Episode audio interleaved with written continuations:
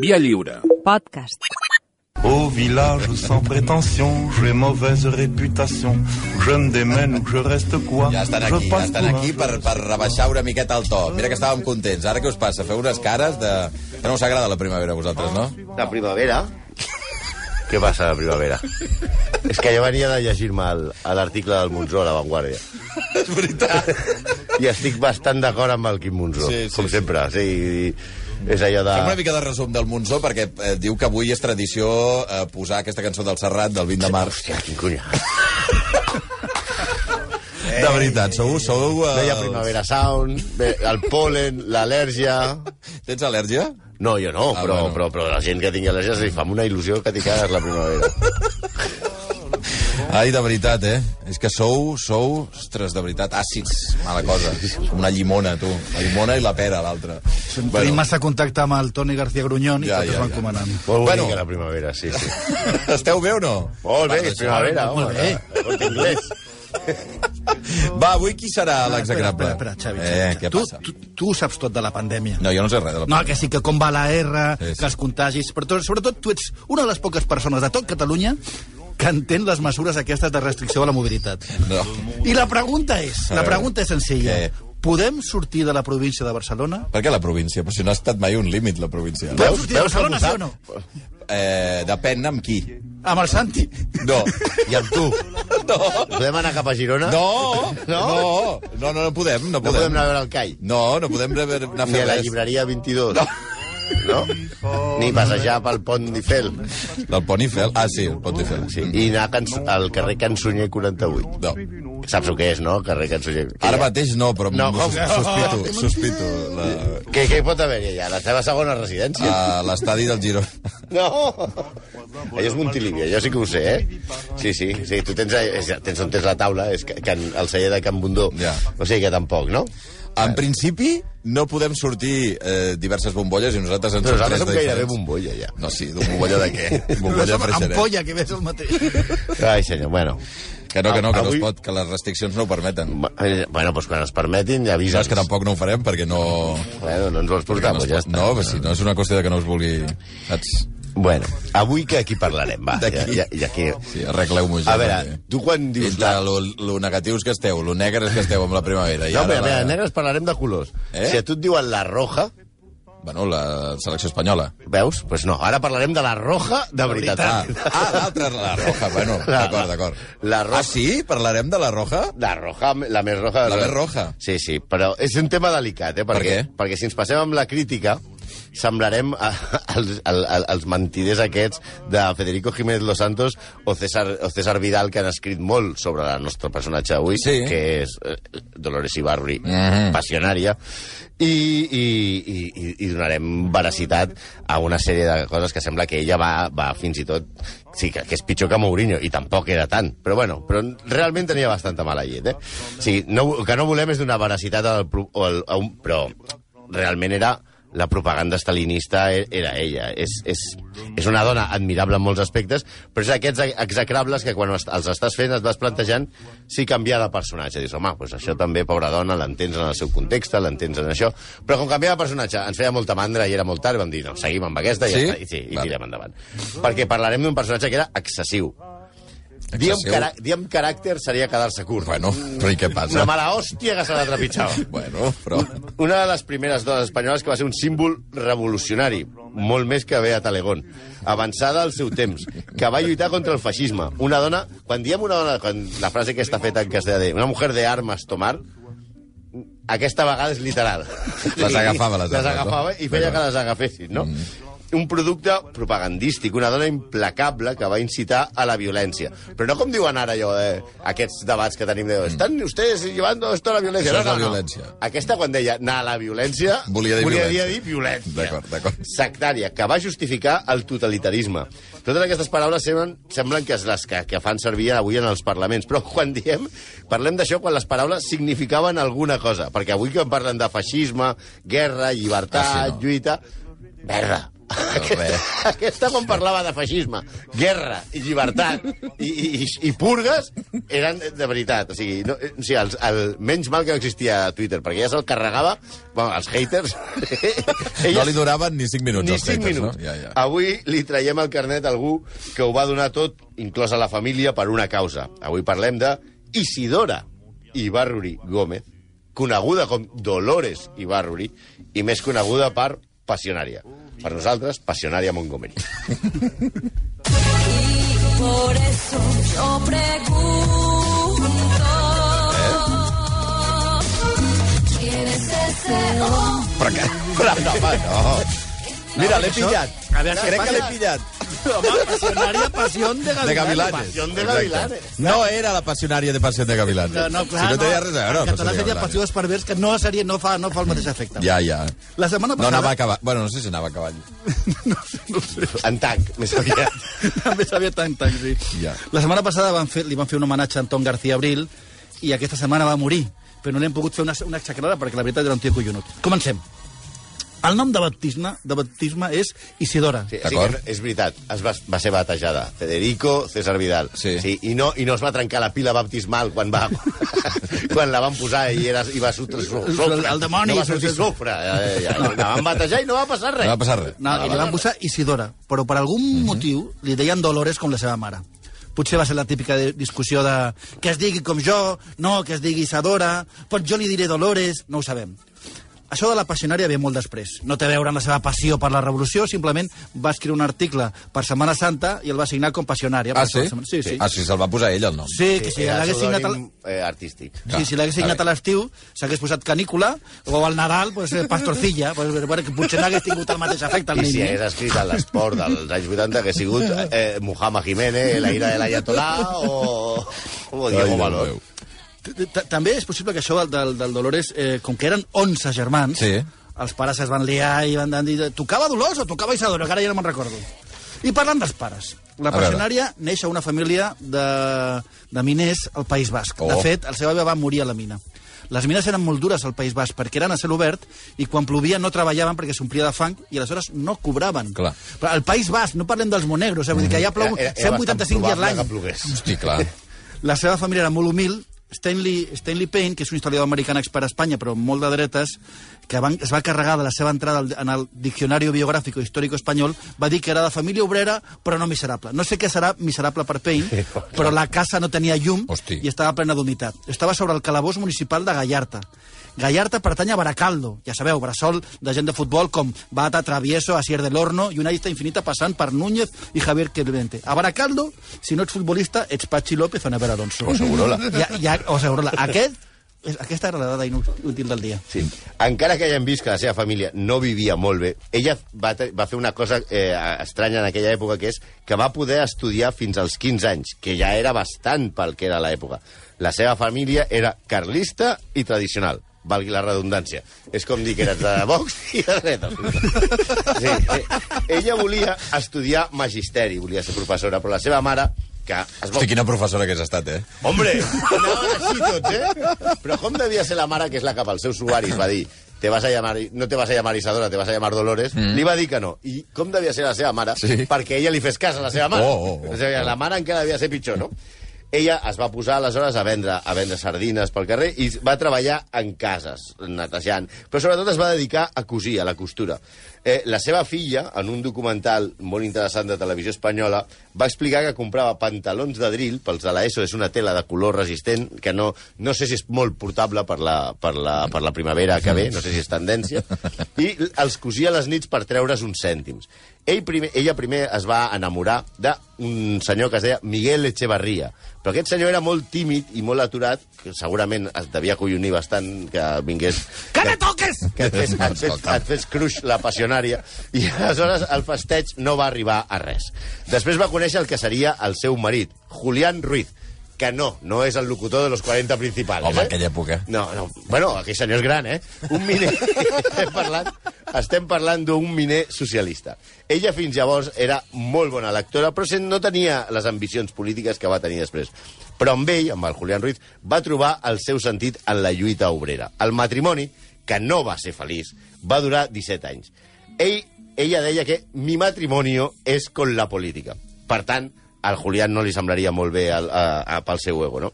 La seva filla, en el mateix documental que comentàvem de Televisió Espanyola, diu que ell era massa senzill per ella, sigui que era un bobón, i que es va casar amb Dolores, no pas amb passionària. Sí, després anem amb els fills, amb l'activitat política, però per acabar amb la vida sentimental de la passionària, ella es va enamorar ja a Madrid, perquè el marit es va quedar a Somorrostro, a Vizcaya, eh, no al barri de Barcelona, Sí. de Francisco Antón. Ell era 17 anys menor i van viure uns anys junts. Eh, ella va arribar a Madrid com a redactora del Mundo Obrero i ell, ell segons Paul Preston, era esbel, guapo i moreno. Ella es va enfrontar al mateix Enderezo Pri- Prieto, que en aquell moment era ministre de la Guerra o ministre de Defensa, per treure'l del front. Ah, amiga. Oh! Ella Oh, va fer gestions. Sí, sí, va fer gestions de que Ui, aquest ui. que no el matin, que és molt guapo. Un recomendado. Ell, un recomendado. Ella va patir alguns moments de masclisme dins del propi partit perquè el secretari general, José Díaz, s'havia suïcidat per, perquè no podia suportar els dolors d'un càncer d'estómac i el que volia ser el successor, Jesús Hernández, va fer campanya fent servir la seva relació amb el, amb el jove. Tot i així, ella va guanyar el la secretaria. Però abans, a l'acabar la, a, a, a la Guerra Civil, ell va estar prens, després de la Guerra Civil, en alguns camps de concentració alemanys a França, com el de Le Vernet. Ella, com la URSS havia sign- signat un pacte de no agressió amb Alemanya, li va demanar ajuda al mateix Stalin. Enrique Lister, a les seves memòries, segons explica el Modena Grandes, diu que Stalin va dir si Julieta no pot viure sense el seu Romeo, caldrà portar-li el seu Romeo. Hosti. Els autors més favorables a Stalin encara avui neguen aquesta frase per la seva debilitat i cursileria. Sí, no sé si heu sentit alguna vegada o llegit alguna cosa d'Enrique Lister, que tampoc seria eh, Atahualpa Yupanqui, eh, parlant. Era un tio bastant més tirat pel dret. La qüestió és que ella i Stalin el van salvar i el van enviar a Moscou amb ella. Y cuando yo llegué a mi casa, De eh? a mi mujer no encontré. A veure. Encima la mesa había Ai, ai. una nota de papel I què deia la nota? en la cual ella decía El grano, el grano. Que s'està s'està allargant el junco. Eh? jamás a ti te engañé. Bueno, Ah, no. La història ve a ser. Però que arriba el moment de la... De... Què? Ah. Ah, por tus celos, eh? Por tus celos, clar. Vale, vale, vale. És que la cosa va molt de gelosia, però no com, a, no com a la cançó. Aquesta gelosia és justificada, perquè Paquito, el, el, seu, el, el seu nou amor, El soldat que van treure del front. Ah, exacte. Eh, tot i que va pas- passionària va moure els fils del govern de la República i va parlar, recordem, amb el mateix Stalin, quan, després d'aconseguir això, se'n va amb un altre. No, no. No, home, no pots fer això. Exacte. No pots fer això. I a més a més, què va fer? Però no eren parella, tampoc, no?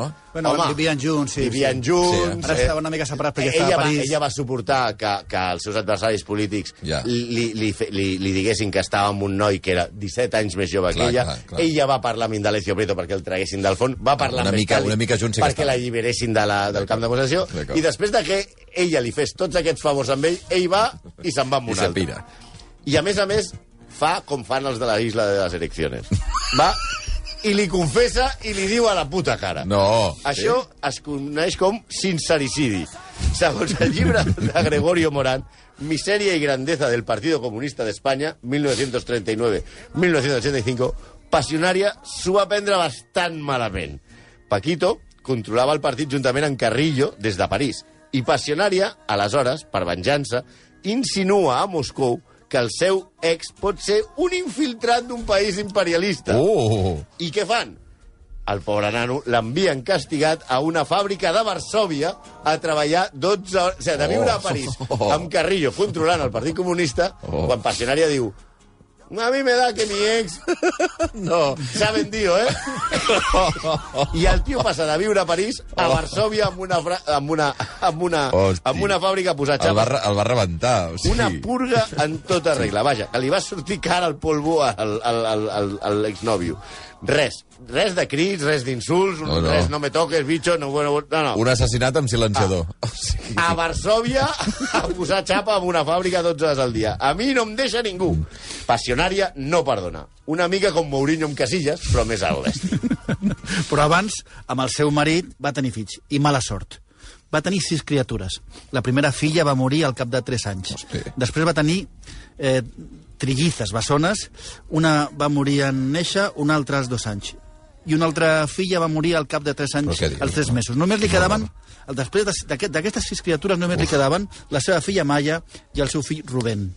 Quan eren nens, com els seus pares estaven, durant la República, entrant a la presó, la passionària va estar tres vegades a la presó entre l'any 31 i el 36, o en la seva eh, imparable activitat política, els nens van créixer una mica al seu aire, com explicava Maya en les seves memòries, i pel carrer. Anàvem amb guardioles de llauna per recaptar diners pels presos o pel partit, però l'any 35 la seva mare, que ja veu que això és insostenible, els envia a Moscou.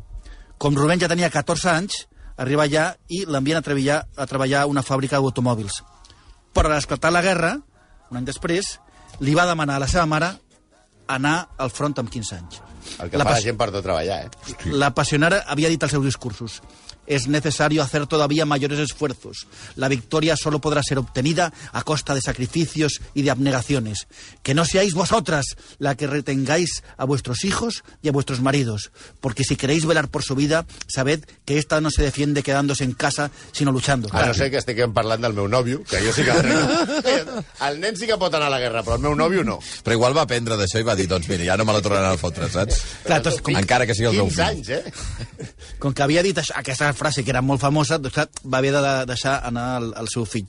I el seu fill va, lluitar, va venir a Espanya, a la Guerra Civil, i va lluitar a la batalla, la batalla de l'Ebre, que sabeu que va ser una de les més sanguinàries, i després a Stalingrad, a la Segona Guerra Mundial, on va morir. Oh. El mateix Nikita Khrushchev, o Khrushchev, li va donar la notícia. La mort del fill, òbviament, la va devastar, i a les seves memòries i en alguna entrevista mostra la seva culpabilitat de no haver atès eh, als seus fills. No estuve por mis hijos, pero mis hijos sean todos los obreros, diu. Amaya, la filla que, va sobre, que la va sobreviure, va morir fa pocs anys i la veritat és que adorava la seva hasta batir el enemigo. Pueblo de España en pie. Mujeres, defended la vida de vuestros hijos. Defended la libertad de vuestros hombres. Todos los sacrificios imaginables antes que consentir que triunfen las fuerzas que representan un pasado de opresión, un pasado de tiranía, hasta batir el enemigo. Pueblo de España en Sí, sí, sí, si ara poseu la ràdio i no sabeu de què estem parlant, no hi ha hagut un cop d'estat. No, no, no, no. Ha triomfat el No, comunisme. no passat res. És, és, una, és un discurs de apassionària que puc veure. La tia es sortia bastant quan parlava en públic Mhm. i era, era, era realment impressionant. Anem a la política, que hi ha tela aquí. Aquesta era, com hem sentit, la veu de la passionària. Ensenia les masses. La, la dona que més ha triomfat en una plaça de toros. Les posava del revés. O sigui, la gent sortia eh, increïblement... O sigui, de la porta a l'altre dia al Camp Nou no és res comparat Res, amb la passionària. res, res. Va ser una de les primeres dones en ingressar al Partit Comunista el 21. Als anys, al- als anys 30, la seva fama es fa internacional, perquè no només era una, una, una dona famosa a Espanya, sinó que des de la resta del món passionària, a més amb aquest nom i, mm. i com la veien parlar, era, era una icona gairebé pop del comunisme mundial. Com a diputada, els seus discursos, a més, a, a, es van fer famosíssims. I en la Guerra Civil, les seves arengues a favor de la República es van tornar mítiques. Però vegem algunes d'aquestes proclames. Aneu a analitzar el discurs. Una, no, us direm quatre o cinc frases. Mira, Mundo Obrero publica al 1977 un discurs de Dolores en el que diu Es necesario extirpar, como se extirpan del campo las plantas dañosas, al trotskismo de las filas proletarias de nuestro país. Es necesario extirparlo y aplastarlo como a fieras rabiosas. És a dir, Federico. César, no us preocupeu que més comunistes es va carregar passionària que, que, que, que Santi Abascal en la seva vida. També va dir es necesario dedicarnos todos a la obra de ayudar al gobierno en su acción de limpieza Uy. y también a cada uno vigilar lo que tenemos al lado. Denunciar sin ninguna vacilación, sin ningún sentimentalismo a todos aquellos que nosotros creamos que son sospechosos de desafección a nuestro régimen. Hosti. Segueix una mica i acaba. Es preferible, atenció a la frase que té collons, eh? Es preferible condenar a 100 inocentes antes que un culpable pueda ser absuelto. És a dir, si, si ho tirem tot allò a l'engròs, encara pillarem algú. Mai va dir, encara que ho diguin eh, Vox, Pablo Casado, César i Federico, eh, quan Calvo Sotelo va fer un discurs al, al Congrés, Sí. va dir, este, señor Calvo Sotelo, es su último discurso, poc abans de que l'assassinessin, com Eh. dient-li. Això no va passar. No va passar, eh? Ella mateix ho va desmentir en una entrevista a Manuel Vicent i no apareix en el diari de sessions, tampoc. Sí demanava presó per l'oposició, això sí, perquè deia hay que encarcelar a los que con cinismo sin igual llenos de sangre de la represión de octubre, vienen aquí a exigir responsabilidades por lo que no se ha hecho. Però les seves frases cèlebres han passat a la història. Com el no passaran. Sí, És senyor. molt famós, però vaja, que no és seu. Vaya, pues, Oh. Així és No? de petena, Verdú. No és seu, Bueno, ja bueno, bueno. També és molt famosa la seva frase és preferible morir de pie que vivir de rodillas, que és també molt bona, molt mítica, però tampoc és seva. Vaya. És d'Emiliano Zapata. La que sí és seva és és mejor ser la viuda de un héroe que la mujer de un cobarde. Que no sé jo què dir-te, eh? Oh! Ai, Dolors. Ens hem saltat la part de l'Ai Dolors, que era la clau, però bueno, en fi. Poc ha sortit Manel en aquesta secció. No ha sortit mai. No. Pot ser el primer cop que punxa És que un és Manel. primavera. Ah. Sí, són molt de primavera. Primavera sau. Ai, ai, ai, Dolors. Eh, Però a més, Barruri. com a figura emblemàtica, era un altaveu de l'estalinisme. Ja hem vist que els trotskistes, diguem-ne, no li No li molt. bé, no. Diguem-ne, perquè ens entenguin els Com ho heu dit, allò? Como fieras, Como fieras, que aplastarlos, estirparlos i aplastarlos. como fieras rabioses. És a dir, eh, si algú es queixa dels ismes en el Barça, entre el rossellisme i el deportisme, que ens imagini el que era l'estalinisme i el trotskisme. Allò sí que eren ismes, hòstia. Un, I ella era, com diria Piqué, un titella de Stalin. Si la propaganda parlava de lo impressionants que estaven a Moscou amb la seva oratòria, no en tenien ni... Sí, és a dir, no l'entenien ni papa, eh? perquè ja els discursos els feien en castellà i aquells parlaven en rus. La veritat és que la utilitzaven sempre que podien els estalinistes. Un dels casos és el de Polònia. Polònia torna a sortir Polònia. Pels de l'ESO. No és només un programa de televisió, No, també és un país. sí. És on, el va Ja enviar, saben. és on va enviar el seu nòvio. Després del pacte soviet, soviètic nazi sí. per, per acabar amb Polònia, ella havia de justificar la invasió de Polònia.